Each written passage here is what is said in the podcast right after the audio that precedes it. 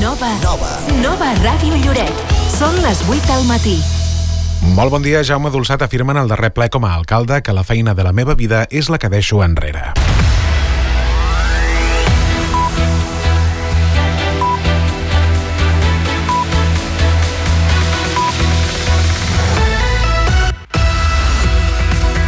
Jaume Dolçat ha renunciat a l'alcaldia de Lloret de Mar entre llàgrimes després de gairebé 8 anys de mandat. Ha estat en un ple extraordinari aquest dilluns, marcat per les paraules emotives per part de tots els grups municipals, així com del mateix Dolçat. Per començar el seu Parlament, el fins ara alcalde ha volgut deixar ben clar que el motiu que l'ha portat a deixar el càrrec és estrictament professional i d'aquesta forma ha negat que sigui una estratègia política. Jaume Dolçat també ha reconegut que la seva intenció era plegar del tot, però per calendari li han recomanat que aguanti com a regidor sense retribució retribució fins que acabi el mandat. Ara l'escoltarem, així com la majoria de portaveus municipals. Molt bon dia a tothom, benvinguts i benvingudes al Bon Dia Bon Hora. Avui som a dimarts, 7 de març, un dia en què també ampliem altres titulars, com per exemple que l'Ajuntament de Lloret aprova el circuit d'actuació per l'atenció de dones en situació de violència masclista. Ho comentarem amb la regidora Jennifer Pérez, a qui preguntarem també per les tardes Rainbow. A la segona part recordarem que avui tindrem el plaer de poder riure en persona amb la genial Eva Cabezas, amb el seu monòleg Curvi al teatre, amb motiu del 8M. I de cara a demà, a més dels actes institucionals del Dia de la Dona, hi ha donació de sang a l'Institut Escola, amb la col·laboració dels alumnes de quart de primària. I a més, aquest dimecres s'organitza un taller de defensa personal per a dones al Rocagrossa amb el club Kinjutsu Dojo. I de cara a dijous trobem una xocolatada solidària a la llar d'infants als Pops que recollirà fons per investigar el càncer infantil. Com sempre, també repassarem els titulars del dia, les portades als diaris i sabrem quina és la previsió del temps. Donem pas a una nova edició del Bon Dia Bon Hora que avui fem possible Rosa Giral, Moisés Garcia, Maria Joan Comartí i qui us parla, Eduard Lanzas. Bon dia, bona hora. De dilluns a divendres, de 8 a 9 del matí.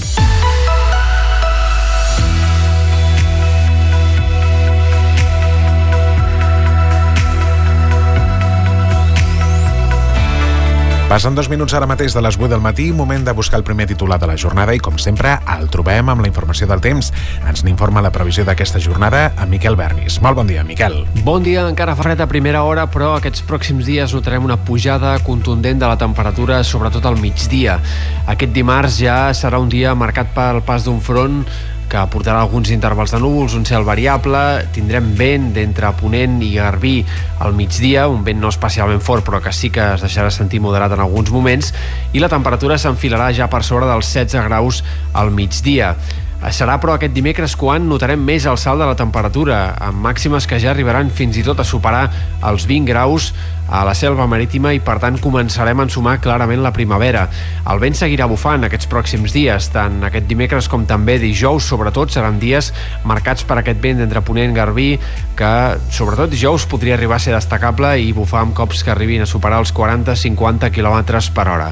Pel que fa a l'estat del cel, seguirem esperant un panorama de cel canviant amb el pas de sistemes frontals els pròxims dies que mantindran el cel variable, mig ennubulat, però que no faran ploure. No hi haurà pluges aquests dies vinents, encara que tinguem eh, doncs, aquest cel variable i mig ennubulat en molts moments. De cara al cap de setmana, les temperatures encara s'enfilaran més. Hem d'esperar que dissabte i dilluns siguin els dies de màximes més altes, per sobre dels 20 graus, amb un ambient clarament de primavera. Per tant, també pujaran les temperatures nocturnes de forma clara, s'acabaran les mínimes per sota dels 10 graus, però cal tenir en compte que aquesta pujada de les temperatures sembla que serà transitòria, que durarà fins dilluns dimarts de la setmana vinent i que a partir d'aquí podríem tenir un descens contundent dels termòmetres que faci que de cara a dimecres, dijous de la setmana vinent tornem a valors un altre cop de final d'hivern bastant més normals per l'època. Tot i això, sense que s'entreveguin pluges amb aquests fronts que van arribant, però que difícilment deixaran precipitació en els pròxims 10 dies.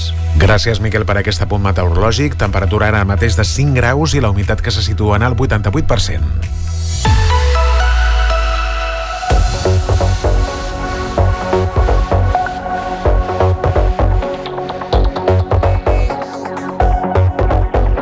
Aquesta hora del matí, 8 i 5, el que fem és desgranar cadascuna de les informacions que podem trobar en les diverses portades de, dels diaris d'àmbit o de tirada nacional, estatal i també comarcal. Comencem pel diari de Girona, que diu els restauradors oberts a Girona han crescut de 200 a 300 en només 4 anys. El Fòrum Gastronòmic vol potenciar aquest sector amb actes al centre de la ciutat. El certamen es farà del 18 al 21 de març i inclourà ponències, tallers i concursos. La pandèmia dispara el risc de suïcidi en adolescents i la demanda a salut mental. Figueres recapta 160.000 euros en multes per incivisme des de, des de 2019. Els divorcis a Girona tornen a pujar després de 7 anys a la baixa i mor als 87 anys, en aquest cas l'exalcalde de Palamós, Josep Ferrer i Figueres. En l'àmbit esportiu doncs, podem també doncs, llegir que teràpies en persones amb autisme l'altra cara de la grossa de la cosa, volem dir, del Girona Futbol Club. I finalment el càrter de la llet, un engany que va afectar més de 1.000 gironins. Aquestes són les notícies que podem llegir del diari de Girona pel que fa al punt avui. Podem, doncs, perfectament eh, comprovar aquest titular que diu Respir per als professors injuriats. Arxivades del tot les causes contra vuit dels nous docents de Sant Andreu de la Barca. L'audiència considera que no van cometre cap delicte parlant de l'1 d'octubre a l'institut. Un centenar d'alumnes tornen a les aules de l'ETG, ocupant una part de l'escola que no va poder que no va quedar afectada pel foc i la resta d'estudiants, uns 600, segueixen les classes en línia. La zona de l'edifici destrossada per l'incendi continua sota custòdia policial. També el Fòrum Gastronòmic de Girona s'obre la ciutat i és que la novena edició debatrà sobre l'alimentació saludable i es farà del 18 al 21 de març. I finalment, retrat d'una nissaga que diu els hereus de Xavi de Ferrer cedeixen el seu fons fotogràfic. Aquestes són les notícies que podem llegir dels diaris d'àmbit més de proximitat, com el diari de Girona i El Punt. Repassem més titulars a la resta de capçaleres d'aquest dimarts i comencem amb el diari El País, que explica que Brussel·les accepta revisar els ajustaments fiscals després de cada cita electoral. La Vanguardia s'expressa en aquests termes, Podem i PSOE arriben enfrontats al 8 tema per la llei del només sí és sí. Per la seva part, la BC publica que Escrivà ha reclutat 2.500 interins per frenar el desgavell en l'atenció de la Seguretat Social.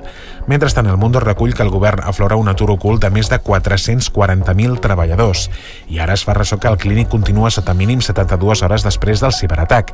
I finalment el periòdico es pot llegir benefici històric dels bancs pel que paguen pels dipòsits.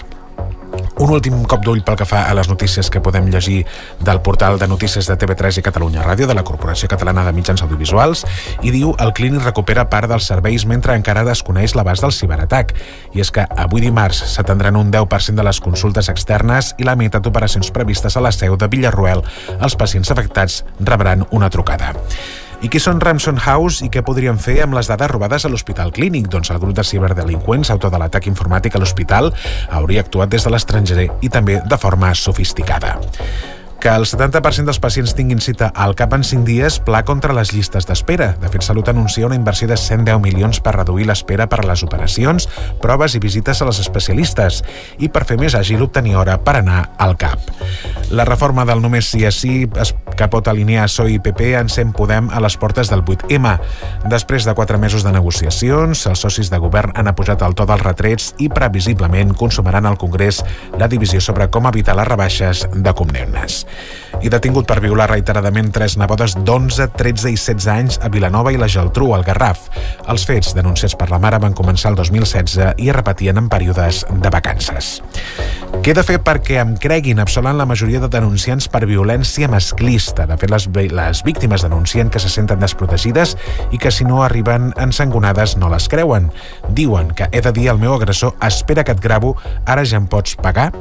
I va de denunciar un abús sexual i troba l'agressor a comissaria detingut per un altre delicte. La policia havia arrestat el sospitós per agredir uns menors al carrer i en entrar a comissaria la noia el va identificar com un dels joves que l'havia saltat al cotxe una hora abans. Més notícies. La Unió Europea té funcionaris en excedència abans de jubilar-se cobrant 8.200 euros al mes de mitjana. Ho revela una recerca del diari Ara i se'n beneficien funcionaris comunitaris que els falta menys de 5 anys per jubilar-se i tenen dificultats per digitalitzar-se. I Twitter cau per segona vegada en 5 dies. La companyia informa que la xarxa social ha caigut quan s'estava fent un canvi intern que ha tingut conseqüències inesperades. I un últim apunt pel que fa als esports, Leo Messi parla sense embuts dels problemes d'adaptació a París. L'astre argentí diu que se sent molt més integrat aquesta temporada i fa una picada d'ullet a Kylian Mbappé. Aquestes són les notícies que podem doncs, perfectament llegir, que ens despertem en aquesta jornada de dimarts, avui 7 de març de 2023. Fem ara una petita pausa per la publicitat i de seguida desgranarem totes les notícies que us hem avançat en el sumari del Bon Dia Bona Hora.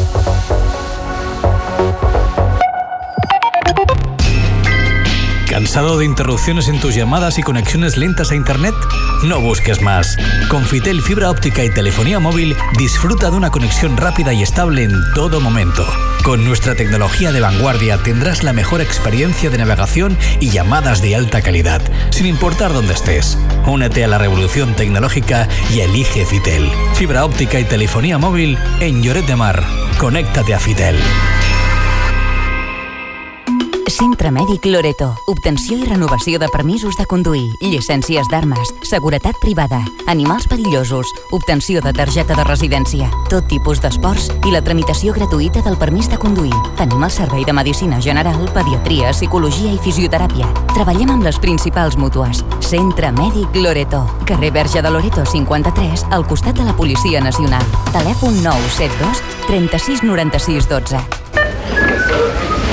El Mercat Municipal de Lloret t'ofereix productes frescos i de proximitat amb aparcament gratuït. Peix, carn, fruita, verdures fresques i queviures... Vine, tria, compra o fes el teu encàrrec. Trobaràs un tracte directe i de confiança. Els paradistes es posen a la teva disposició per aconsellar-te en els productes de la compra. Ara més que mai, vine al teu mercat.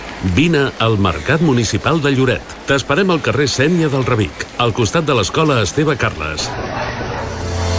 Vols millorar la visualització del teu negoci? Cartelleria digital i pantalles LED d'interior i exterior a Víctor So.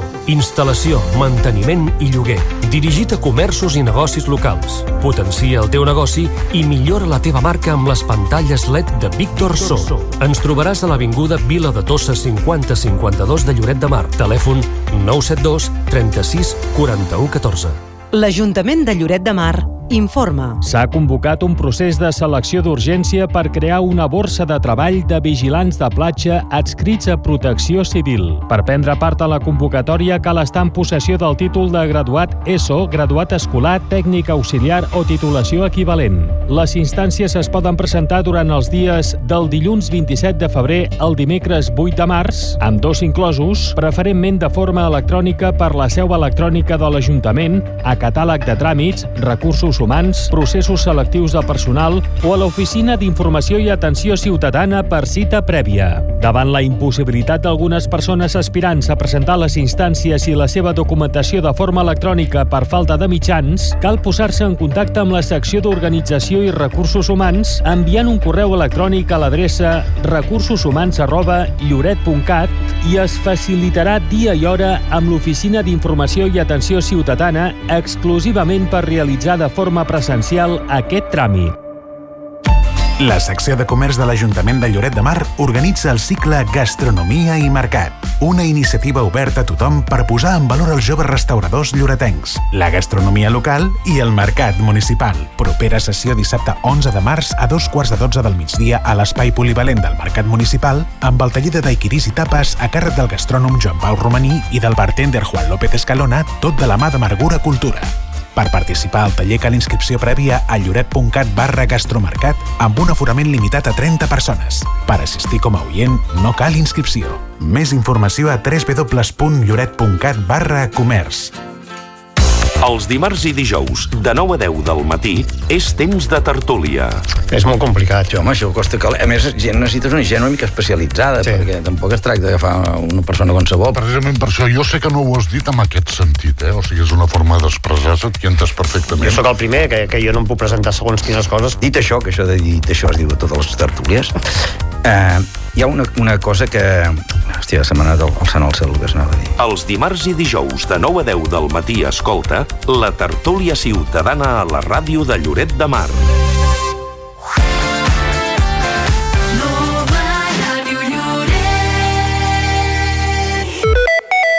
Bon dia, bona hora.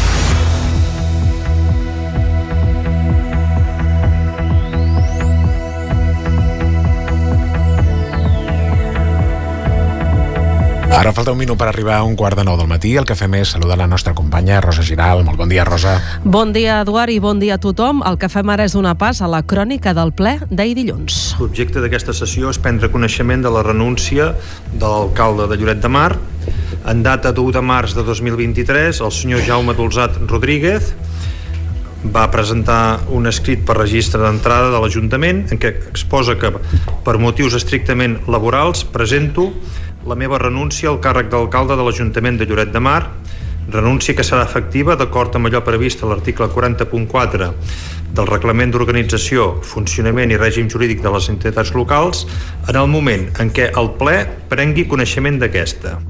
Així donava pas en el ple d'aquest dilluns el secretari de l'Ajuntament, una sessió extraordinària que ha fet oficial que Jaume Dolçatjo no és l'alcalde de Lloret de Mar i que està marcada per les paraules emotives de part de tots els grups municipals, així com del mateix Dolçat. Per començar el seu Parlament, el fins ara alcalde ha volgut deixar ben clar que el motiu que l'ha portat a deixar el càrrec és estrictament professional i d'aquesta forma ha negat que sigui una estratègia política. La meva sortida de l'alcaldia de Lloret és estrictament per motius laborals poques coses m'haguessin agradat més que acabar la meva legislatura perquè per això em va escollir el poble de Lloret i per això em va escollir aquest plenari. Però també no és menys cert que quan un eh, doncs no té la sort de ser un empresari, perquè no ho sóc i no tinc la sort de ser-ho, potser un dia ho seré però no, ara mateix no, no és la meva situació per tant no tinc una feina fora que m'espera.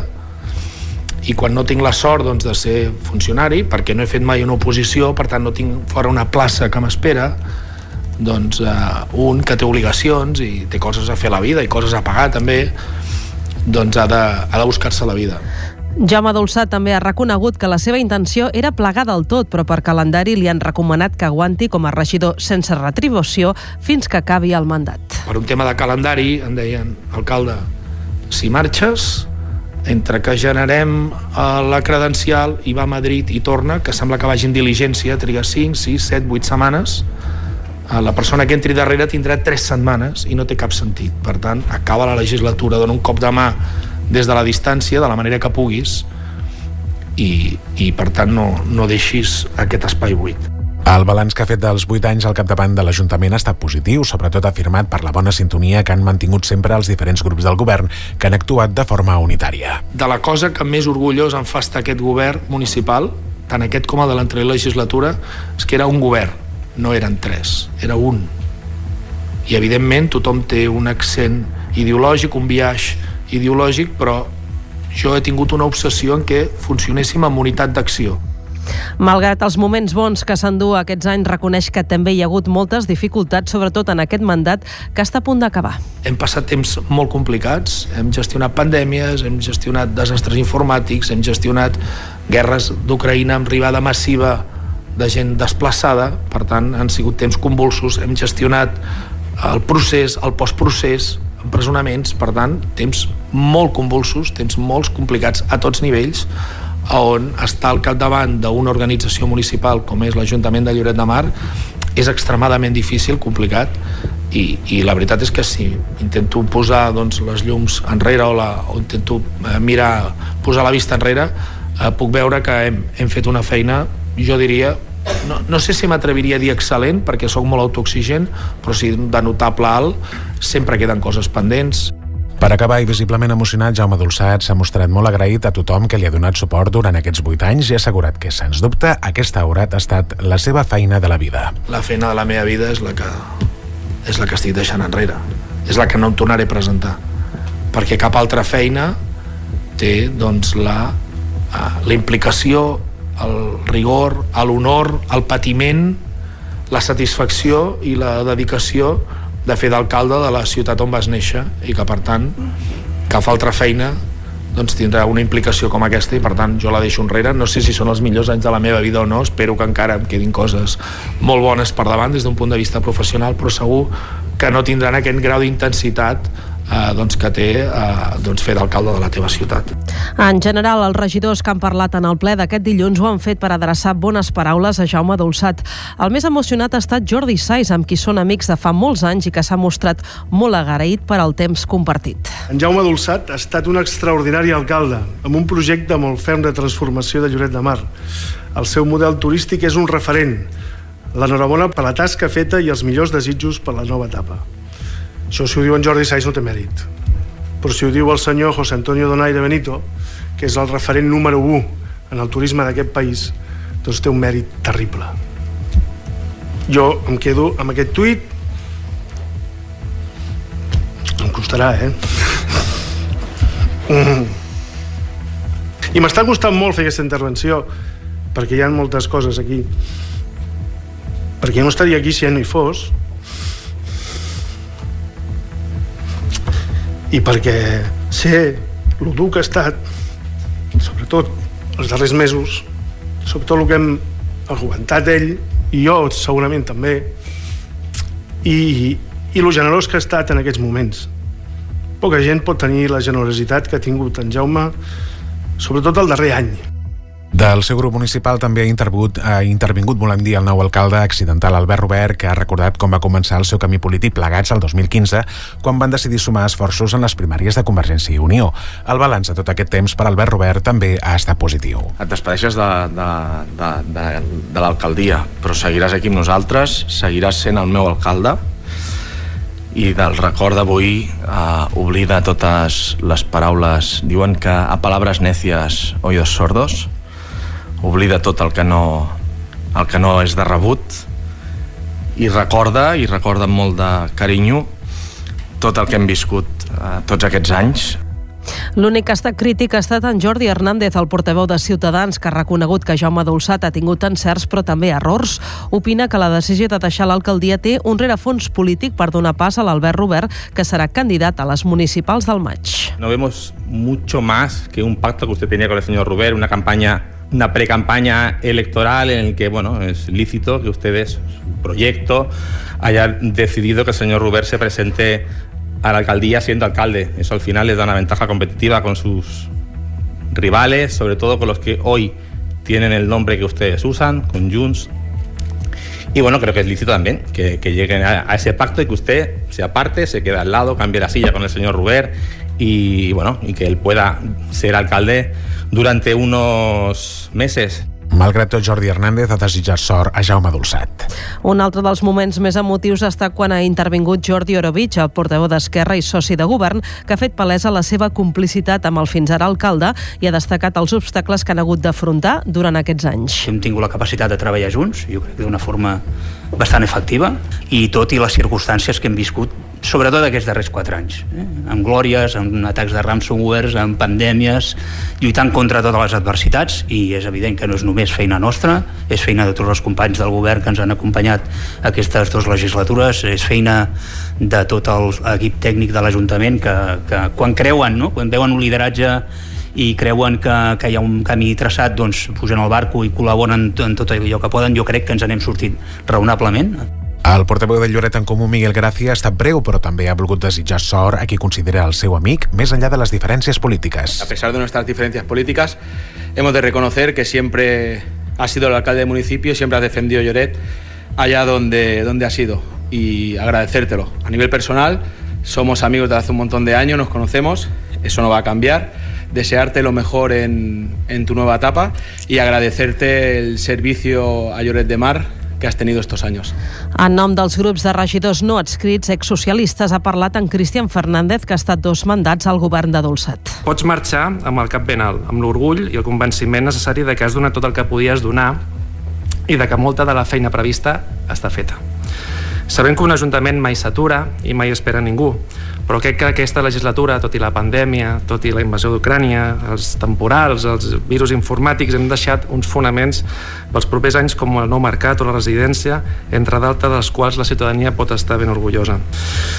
En temps que ens han tocat defensar els ideals polítics, la gestió pública en un govern amb diferents pensaments, però sempre amb una sola veu i en un moment de polarització i crispació, sempre has prioritzat la serenor, la cohesió i el companyerisme. L'altra regidora no adscrita, Marina Nicolàs, fins fa pocs mesos membre de Junts per Lloret, grup municipal de Jaume Dolçat, que ha deixat davant de les diferències polítiques per agrair-li l'oportunitat que li va donar ara fa 4 anys. Voldria aprofitar aquest moment per dir-ho públicament, per donar-te uh, les gràcies per haver confiat en mi quan en el 2019, uh, les gràcies per tots aquests uh, mesos de feina intensa, de reptes constants i sobretot per tot uh, l'aprenentatge doncs, que, que he tingut al teu costat tot i que els nostres camins se separessin fa, fa uns mesos, evidentment desitjar-te tota la sort del món en, en, en la nova etapa. Pel que fa al Partit Socialista i Força Lloret han declinat intervenir en el ple d'aquest dilluns. Al final del ple, el públic que omplia la sala s'ha posat d'en peus i ha aplaudit a Jaume Dolçat, que seguirà com a regidor sense retribució fins que acabi el mandat. Ara, Albert Robert, com a primer tinent d'alcalde, s'ha convertit en alcalde accidental i prendrà possessió del càrrec el proper 15 de març en un nou ple extraordinari. Bon dia, bona hora. De dilluns a divendres, de 8 a 9 del matí. Les 8 i 25 minuts del matí canviem de qüestió. L'Ajuntament de Lloret aprova el circuit d'atenció per l'atenció a dones en situació de violència masclista. Un protocol de treball que determina les actuacions que s'han de realitzar en l'àmbit sanitari, seguretat ciutadana, serveis socials i atenció a la dona. I a més els coordina entre ells així com amb Mossos d'Esquadra o bé la Corporació de Salut del Maresme i la Selva. L'objectiu és disposar d'un sistema de coordinació i sistematització dels circuits per garantir una atenció i resposta integral, ràpida i eficient que garanteixi l'acompanyament, l'acollida i atenció i el suport necessaris davant qualsevol situació de violència masclista. Les primeres actuacions van iniciar-se el 2004 amb la constitució de la Comissió DAFNE que reunia tots els agents que intervenen amb els casos de dones en situació de patir violència de gènere a Lloret i les entitats cíviques del municipi. Posteriorment, el 2011 es va iniciar la redacció d'un circuit d'actuació amb els eh, procediments estipulats de coordinació entre els diferents departaments municipals i supramunicipals. El que s'ha fet ara i que es va formalitzar en el ple de la setmana passada és l'adaptació en el context actual per disposar d'un circuit adaptat a la realitat. Per exemple, s'han tripi- tipificat, volem dir, les diferents violències, des de la física a la psicològica, passant per la violència sexual, l'obstètrica, violència econòmica, violència de segon ordre, que és la persecució que es dona a persones que donen suport a les víctimes de violència masclista, violència vicària, violència de gènere i també violència domèstica. A més, s'ha afegit el DRAC Alert. És una aplicació gratuïta que l'Ajuntament i la policia local posen a disposició de les dones que són víctimes de violència masclista. Consisteix en un botó virtual que hi ha en el mòbil i que, en pulsar-lo, es genera un senyal silenciós que s'envia automàticament a la central de la policia local i que indica l'ubicació exacta de la persona que demana ajuda. Des de l'any passat, la regidoria d'Igualtat, que disposa del Servei d'Informació i Atenció a la Dona, el CIAT, disposa de seu pròpia a l'edifici Destin, situat al carreró de Sant Miquel. Al llarg de 2022 va atendre 182 persones amb una mitjana d'atenció de 6 hores cada dona i se'n varen donar d'alta 10 al servei Drac Alert. Ara en parlem amb la regidora d'Igualtat, Jennifer Pérez. Li volem preguntar per una altra qüestió que són les tardes Rainbow. Un espai de trobada per persones LGTBIQ+, on a banda de compartir experiències, es realitzen sessions informatives i d'assessorament sobre tot allò relacionat amb la diversitat afec- afectivo-sexual i de gènere. La primera trobada és aquest dimecres 8 de març a partir de les 5 de la tarda a Estin. Les altres sessions s'han previst els dies 22 de març, 12 i 26 d'abril i 10 de maig. Les tardes Rainbow les organitza la regidoria d'Igualtat amb la col·laboració de l'associació Plurals, coordinant dos grups, un format per joves i un altre amb adults. Parlem de tot plegat amb la regidora Jennifer Pérez. Aquí tenim el telèfon. Molt bon dia, Jennifer. Hola, bon dia. Uh, uh, si et sembla, Jennifer, comencem parlant dels actes que hi ha previstos demà, 8 de març, aquí a Lloret. La finalitat és posar de manifest el talent de les dones? Sí, sí, sí, correcte. Eh, bueno, hem volgut um, que aquest any, a l'acte um, institucional del 8 de març, um, bueno, pues, posés en valor el talent de les dones i sobretot el talent de les dones lloretenques. Eh, per aquest per aquest motiu doncs, eh, es fan eh, actuacions de ballet a càrrec de l'Escola de Ballet Sara Díaz i l'Acadèmia de Dansa a l'Ira. Eh, D'aquesta manera, no, per posar en valor el talent de les nenes, Um, i, I també doncs, eh, hi ha una projecció del vídeo Lloretengues i Talentoses elaborat per part del, pla, per part del PLAC um, i actuacions de les uh, joves lloretenques de la trama la Laura Givert. Mm, a part, a part d'aquestes actuacions farem la presentació dels premis eh, del Premi 8M de, de març de Carme Ramírez i, bueno, lectura, i, la, i, evidentment doncs, la lectura del manifest institucional del 8 de març que es farà a càrrec de l'alcalde. Uh, Jenny, tot això doncs, arriba evidentment a, a aquest dimecres, que és el 8 de març, un dia marcat en el calendari, i aquests dies hem conegut uh, aquest circuit d'atenció per atendre les dones que pateixen violència domèstica. És un circuit que s'ha d'alguna manera actualitzat, oi? Sí, correcte. És un circuit que ja es va iniciar en el seu moment uh, a través de la Comissió DAFNE, uh, que diguéssim que la Comissió DAFNE és el, mm, l'agrupació de professionals que han de vetllar no? per la preparació, eh, elaboració, redacció i per l'aplicació d'aquest circuit i bueno, arrel de, bueno, amb motiu de la pandèmia mm, va, la veritat és que va quedar, eh, va quedar parat, diguéssim, no? i quan el dos, després de la pandèmia doncs, es va reactivar, es va acabar de, es va acabar de redactar i, bueno, i ens hem trobat doncs, que en, ara, en el 2023, ja portava mesos treballant, enteníem que aquest circuit s'havia d'actualitzar, no? que s'havia d'actualitzar d'acord amb la, amb la realitat actual que tenim que tenim en aquests moments, um, per una banda, actu um, actualitzar doncs, tota la normativa, tota la legislació, actualitzar els tipus de violència, actualitzar en els àmbits en els quals es poden produir aquestes violències, no? l'anterior, per exemple, no? l'anterior eh, circuit no parlava res de la violència vicària, Llavors, bueno, doncs, eh, vam considerar que aquesta, aquest tipus de violència, eh, malauradament cada cop més freqüent, doncs, s'havia de posar, havia de constar en el, en el manifest. Um, també no, la, la novetat és el, el Dracaler, que és aquesta aplicació eh, gratuïta que tenen, que tenen la possibilitat de tenir aquelles dones que són víctimes de violència masclista i que, i que, bueno, que actualment hem, hem, s'han otorgat 10 d'aquestes aplicacions i també veiem que era necessari eh, actualitzar el circuit en el sentit de regular doncs, eh, com s'havien de reunir les comissions, o sigui, quina, quines, quines són, quins són els membres que han d'acudir a, la, a les eh, comissions, cada quan s'han de reunir, què passa si un de, determinat departament no pot venir la persona designada, bueno, eh, que s'ha de recollir un acte cada cop que es fa aquesta, aquesta comissió, etc etc. no?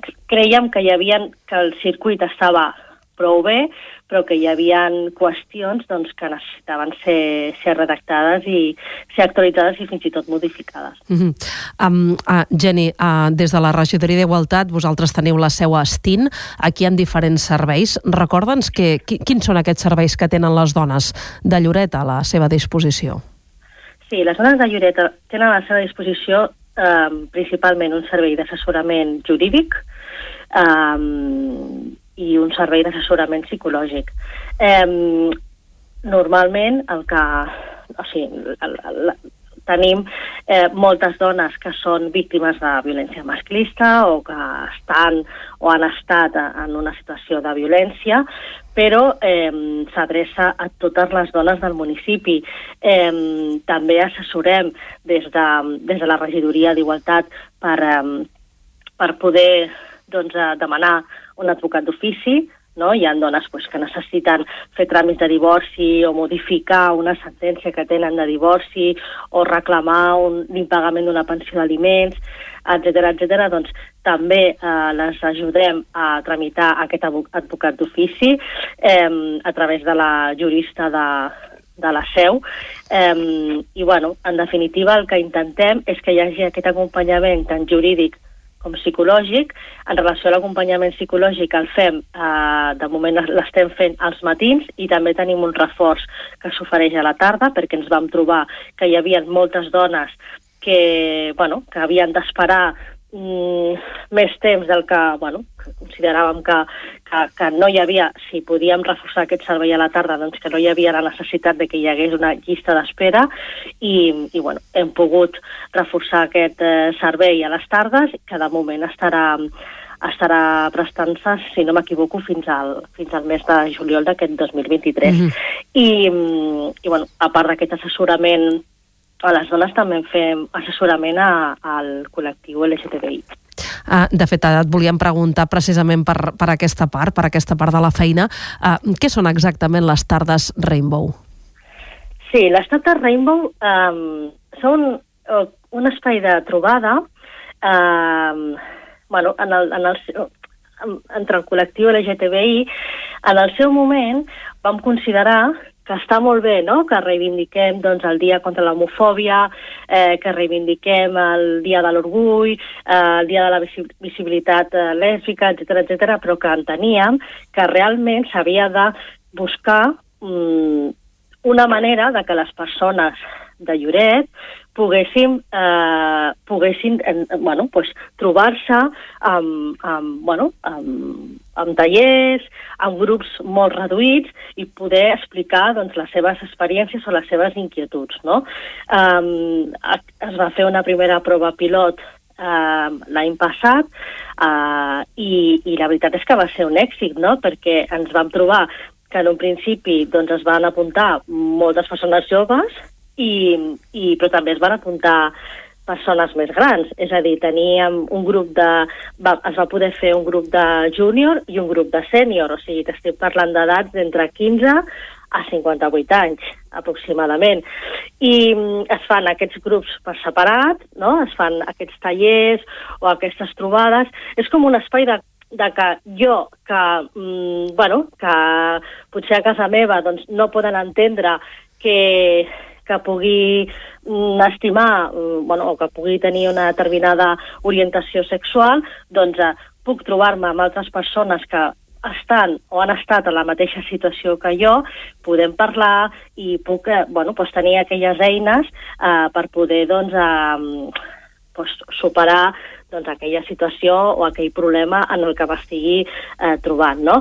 Són eh, unes trobades informals que fem amb l'associació la, amb eh, Plurals, eh, l'associació Plural són les que és l'associació que s'encarrega de dinamitzar i de portar a terme aquestes, aquestes trobades i, i des de la regidoria d'Igualtat doncs, vam entendre que era necessari que es fessin aquestes trobades i la idea doncs, que, que sigui un servei que es pugui oferir um, a la llarga. -hmm. um, en, en Geni, entenem doncs, que, com dius tu, això va començar l'any passat amb una prova pilot i ara doncs, es torna a engegar amb aquestes diferents trobades que hem anat dient, no? amb, aquestes, amb aquests dies concrets. Sí, sí, sí, farem. Um, hi han dos, dos dies previstos al març, el 8 i el 22, dos dies al 12 i el 26 d'abril i una trobada el 10 de maig.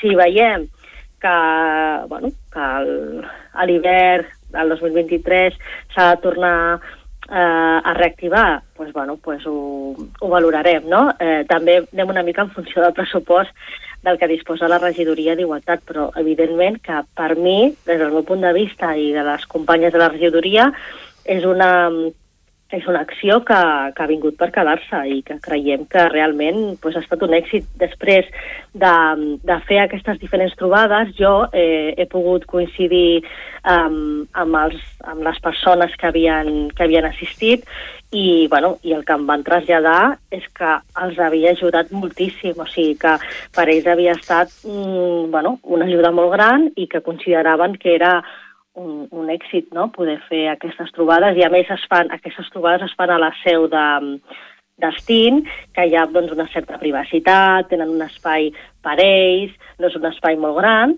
però tenen un espai mm, per ells, poden parlar i poden doncs, fer les, les, els tallers o, o, o les activitats que, que considerin. Doncs recollim uh, tota aquesta informació, que no és poca, i evidentment t'agraïm aquesta entrevista amb la ràdio de Lloret de Mar. Jennifer Pérez, regidora d'Igualtat, moltes gràcies per atendre'ns i molt bon dia. Gràcies a vosaltres. Bon dia. Bon dia, bona hora. De dilluns a divendres, de 8 a 9 del matí. Les 8 i 38 minuts.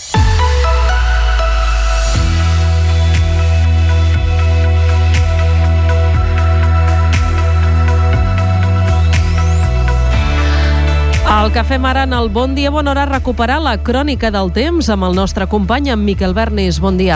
Bon dia, encara fa fred a primera hora, però aquests pròxims dies notarem una pujada contundent de la temperatura, sobretot al migdia. Aquest dimarts ja serà un dia marcat pel pas d'un front que portarà alguns intervals de núvols, un cel variable, tindrem vent d'entre Ponent i Garbí al migdia, un vent no especialment fort però que sí que es deixarà sentir moderat en alguns moments i la temperatura s'enfilarà ja per sobre dels 16 graus al migdia. Serà, però, aquest dimecres quan notarem més el salt de la temperatura, amb màximes que ja arribaran fins i tot a superar els 20 graus a la selva marítima i per tant començarem a ensumar clarament la primavera. El vent seguirà bufant aquests pròxims dies, tant aquest dimecres com també dijous, sobretot seran dies marcats per aquest vent entre Ponent Garbí, que sobretot dijous podria arribar a ser destacable i bufar amb cops que arribin a superar els 40-50 km per hora. Pel que fa a l'estat del cel, seguirem esperant un panorama de cel canviant amb el pas de sistemes frontals els pròxims dies que mantindran el cel variable, mig ennubulat, però que no faran ploure. No hi haurà pluges aquests dies vinents, encara que tinguem eh, doncs, aquest cel variable i mig ennubulat en molts moments. De cara al cap de setmana, les temperatures encara s'enfilaran més. Hem d'esperar que dissabte i dilluns siguin els dies de màximes més altes per sobre dels 20 graus, amb un ambient clarament de primavera. Per tant, també pujaran les temperatures nocturnes de forma clara, s'acabaran les mínimes per sota dels 10 graus, però cal tenir en compte que aquesta pujada de les temperatures sembla que serà transitòria, que durarà fins dilluns dimarts de la setmana vinent i que a partir d'aquí podríem tenir un descens contundent dels termòmetres que faci que de cara a dimecres, dijous de la setmana vinent tornem a valors un altre cop de final d'hivern bastant més normals per l'època. Tot i això, sense que s'entreveguin pluges amb aquests fronts que van arribant però que difícilment deixaran precipitació en els pròxims 10 dies. Gràcies, Miquel Bernés, per aquesta informació. El que fem ara és donar les dades que tenim a Lloret de Mar en aquests moments. La temperatura és de 6 graus, mentre que la humitat se situa a aquesta hora en el 83%.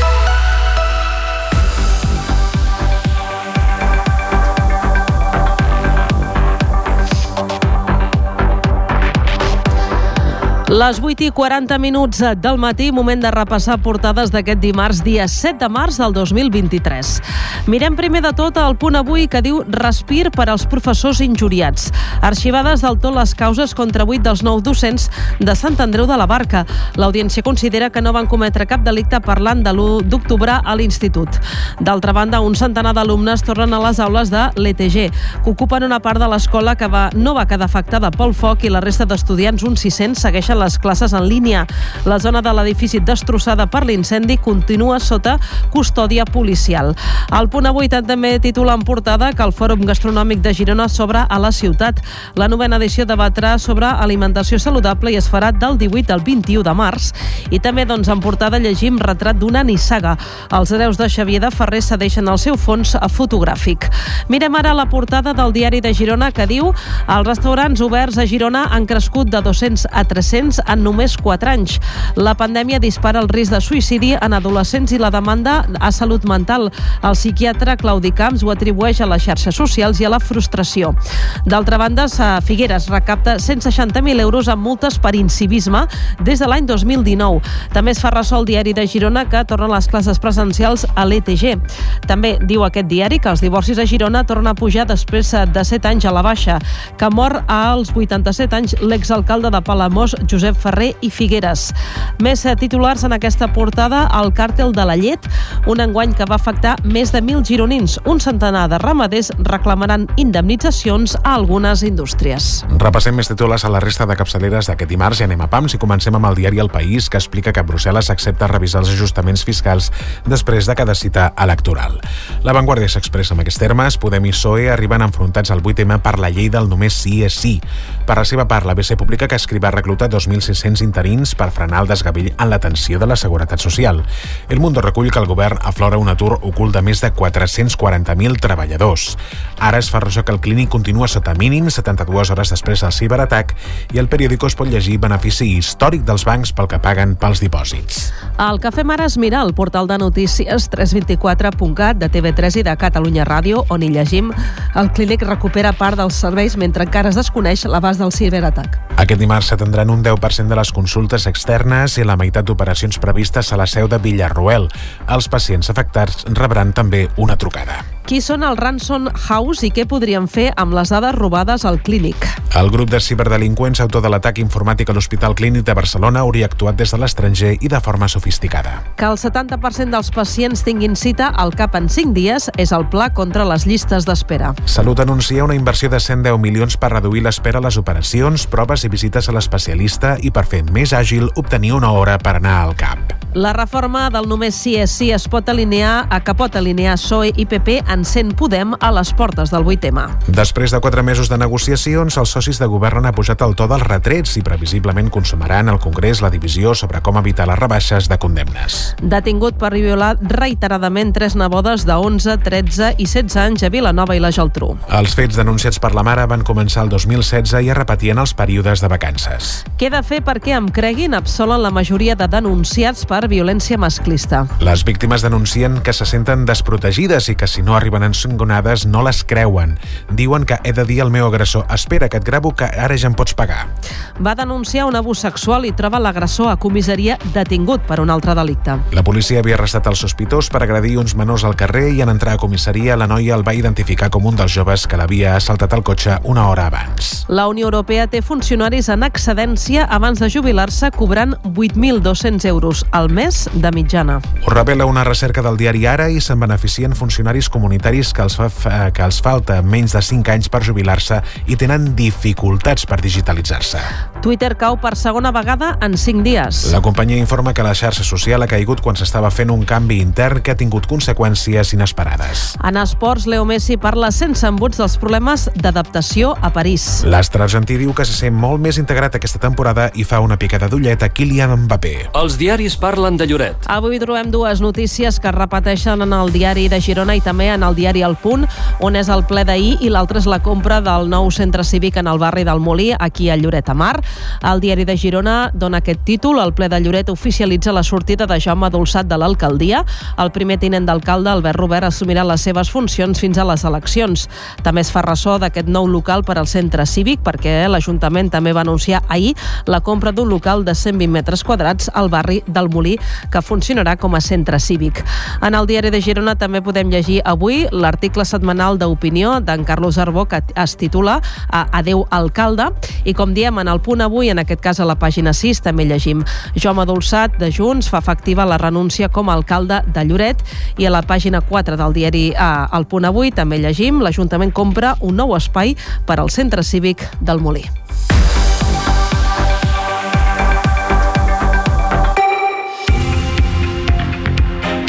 Bon dia, bona hora. De dilluns a divendres, de 8 a 9 del matí.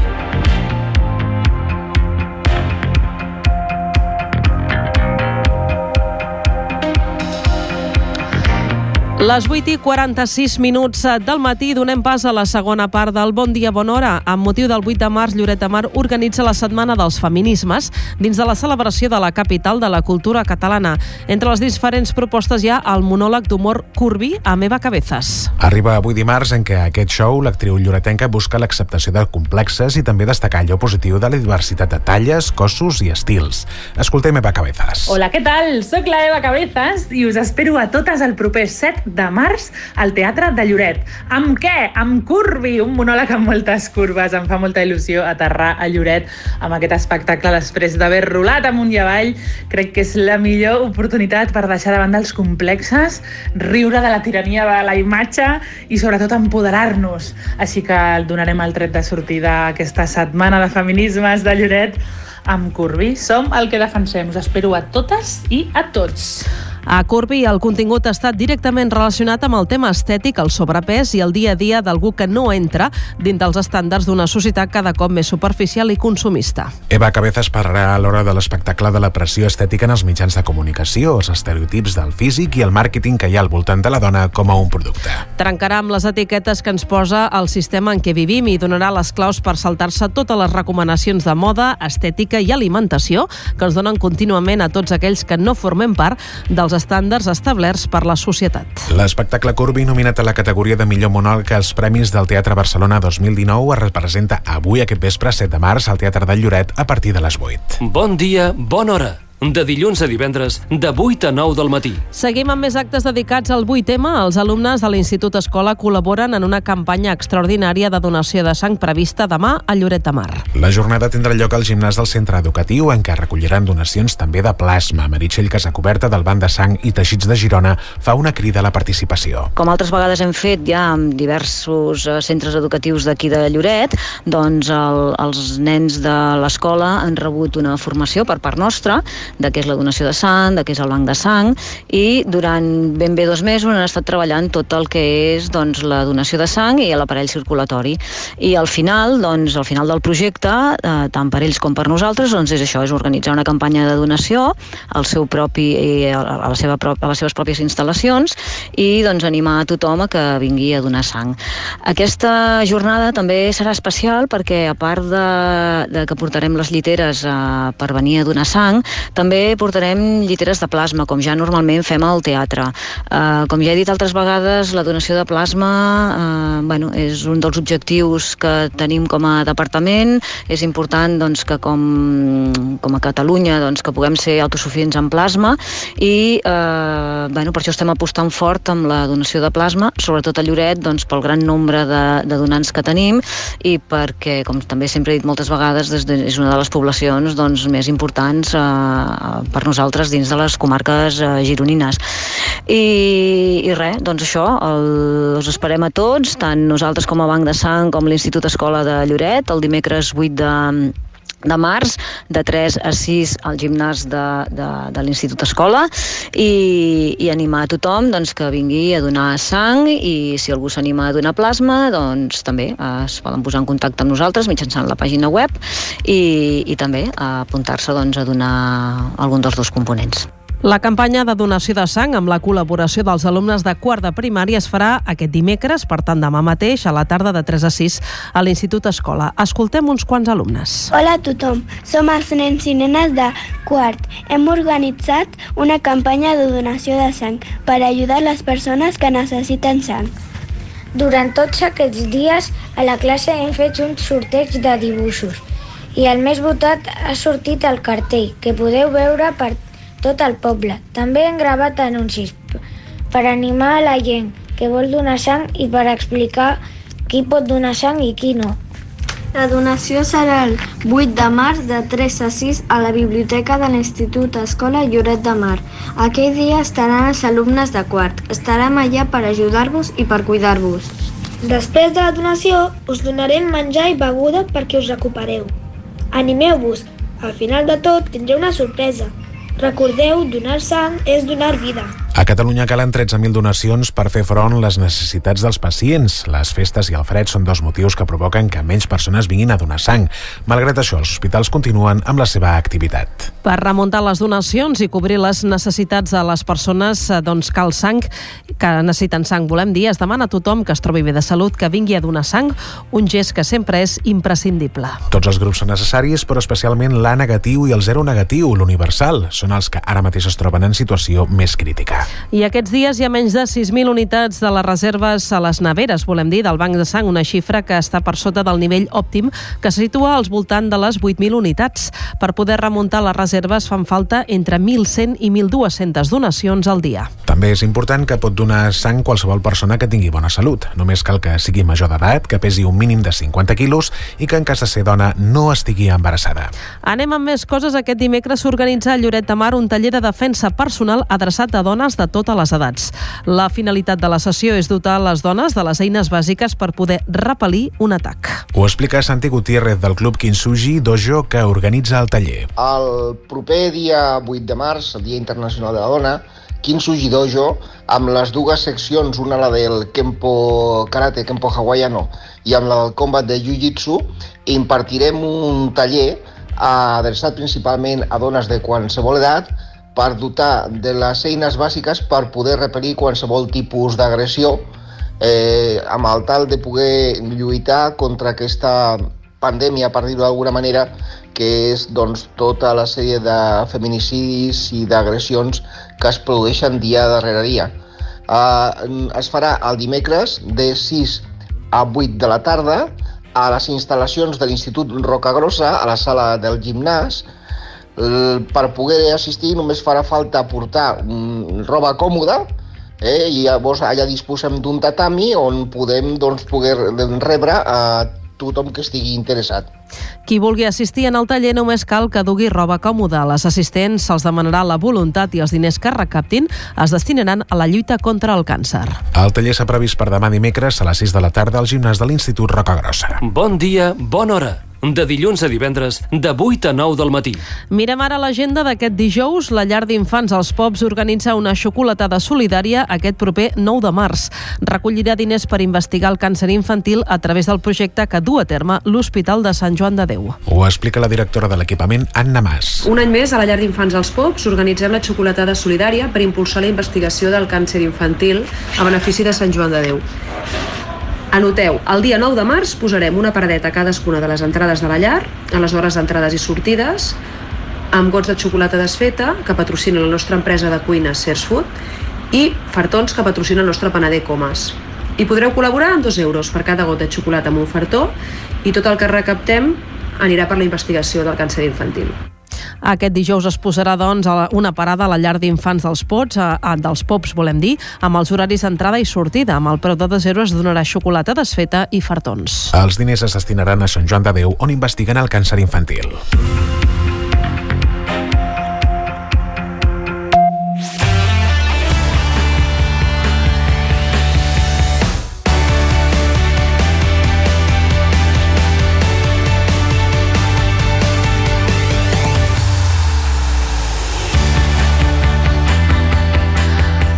Les 8 i 55 minuts del matí fem ara un apunt esportiu. Bernat Rivera ha finalitzat en el 25è lloc del Campionat del món de snowboard cross disputat dies enrere a Bakurani, a Geòrgia. Ha estat la primera participació del lloretenc en un Mundial i les seves valoracions han estat molt positives. L'objectiu principal era classificar-se entre els 32 millors per accedir a les finals i ho va aconseguir. Bernat Rivera explica que durant la prova se li va trencar una de les fixacions i va patir una caiguda. Tot i això, es mostra molt satisfet per haver pogut participar en les rondes finals del Mundial. La veritat és que estic molt content, assumint-ho encara una mica. Em, la veritat és que l'objectiu ambiciós d'anar al Campionat del Món era classificar les finals, que classifiquen els 32 primers, i, i bé, vaig classificar. I després a la primera ronda doncs, vaig tenir un problema que se'm va trencar una part de la fixació i això em va impedir baixar correctament i vaig tenir una caiguda. Però, bueno, molt content de, de poder consolidar el meu rendiment amb, amb els millors corredors del món i, i molt motivat per les competicions que, que venen ara. El Lloretenc assenyala que van tenir poc temps de preparació a Geòrgia, però perquè es van avançar les dates de les rondes classificatòries i finals a causa de la previsió de mal temps. Havien de competir el dia 2 les classificatòries i el dia 3 les finals, el que passa que feia bastant de mal temps, o donaven bastant de mal temps, i ho van avançar tot eh, dos dies. Llavors va ser així com una mica com una mica ràpid, perquè vam arribar, l'endemà ja va ser el test de la pista, després entrenos, i l'endemà dels entrenaments va ser tota la cursa. Aquesta ha estat la primera participació de Rivera en un Mundial. Reconeix que ho ha viscut amb els nervis justos i la pressió justa, però en tot moment ha tingut el cap fred i ho ha acabat molt content amb l'experiència. L'he viscut amb nervis els justos i la pressió justa, la veritat, perquè és, és un campionat del món, era l'objectiu principal de la temporada. A més, veníem que tots els altres esportistes de la federació um, no ho havien fet eh, massa bé i era com que teníem tota la pressió els que acabàvem de, de bordercross i, i bueno, però la veritat és que ho he viscut bastant bé amb el cap fred on, on havia d'estar i, i això molt content per l'experiència. Ara Bernat Rivera afronta un mes de març frenètic amb sis competicions, dues Copes del Món a Sierra Nevada, una Copa del Món a Suïssa i dues Copes del Món a Canadà, a més del Campionat d'Espanya.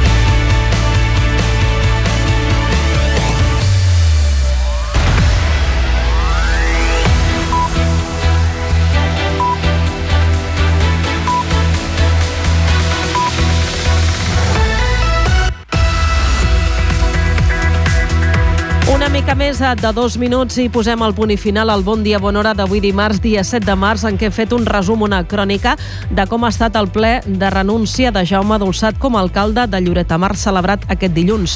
El balanç que fa d'aquests 8 anys al capdavant de, al capdavant de l'Ajuntament, Jaume Dolçat, és positiu. de la cosa que més orgullós em fa estar aquest govern municipal, tant aquest com el de l'anterior legislatura, és que era un govern, no eren tres, era un. i evidentment tothom té un accent ideològic, un viatge ideològic, però jo he tingut una obsessió en què funcionéssim amb unitat d'acció. Visiblement emocionat, Jaume Dolçat assegura que, sens dubte, aquesta haurà estat la feina de la seva vida. La feina de la meva vida és la que, és la que estic deixant enrere. És la que no em tornaré a presentar. Perquè cap altra feina té doncs, la, la implicació, el rigor, l'honor, el patiment, la satisfacció i la dedicació de fer d'alcalde de la ciutat on vas néixer i que per tant cap altra feina doncs tindrà una implicació com aquesta i per tant jo la deixo enrere, no sé si són els millors anys de la meva vida o no, espero que encara em quedin coses molt bones per davant des d'un punt de vista professional, però segur que no tindran aquest grau d'intensitat eh, doncs, que té eh, doncs, fer d'alcalde de la teva ciutat. Són les paraules de Jaume Dolçat en el seu últim ple eh, com a alcalde de Lloret de Mar. Serà una de les informacions que anirem ampliant al llarg del dia d'avui. Les podreu sentir doncs, en butlletins horaris, però també a la pàgina web de la ràdio i a les nostres xarxes socials. En aquest dimarts, dia 7 de març, també doncs, ens fem ressò del circuit d'actuació per l'atenció a dones en situació de violència masclista aquí a Lloret de Mar. Entre altres qüestions, també ens hem fet ressò doncs, que avui al vespre es representa el monòleg d'humor a Curvi a Meva Cabezas a partir de les 8 en el teatre o que bé demà hi ha una donació de sang a l'Institut Escola amb la col·laboració dels alumnes de quart de primària. Fins aquí les notícies i ara a partir de les 9 us deixem amb la tertúlia ciutadana amb el nostre company Josep Altafulla. Bon dia, bona hora. De dilluns a divendres, de 8 a 9 del matí.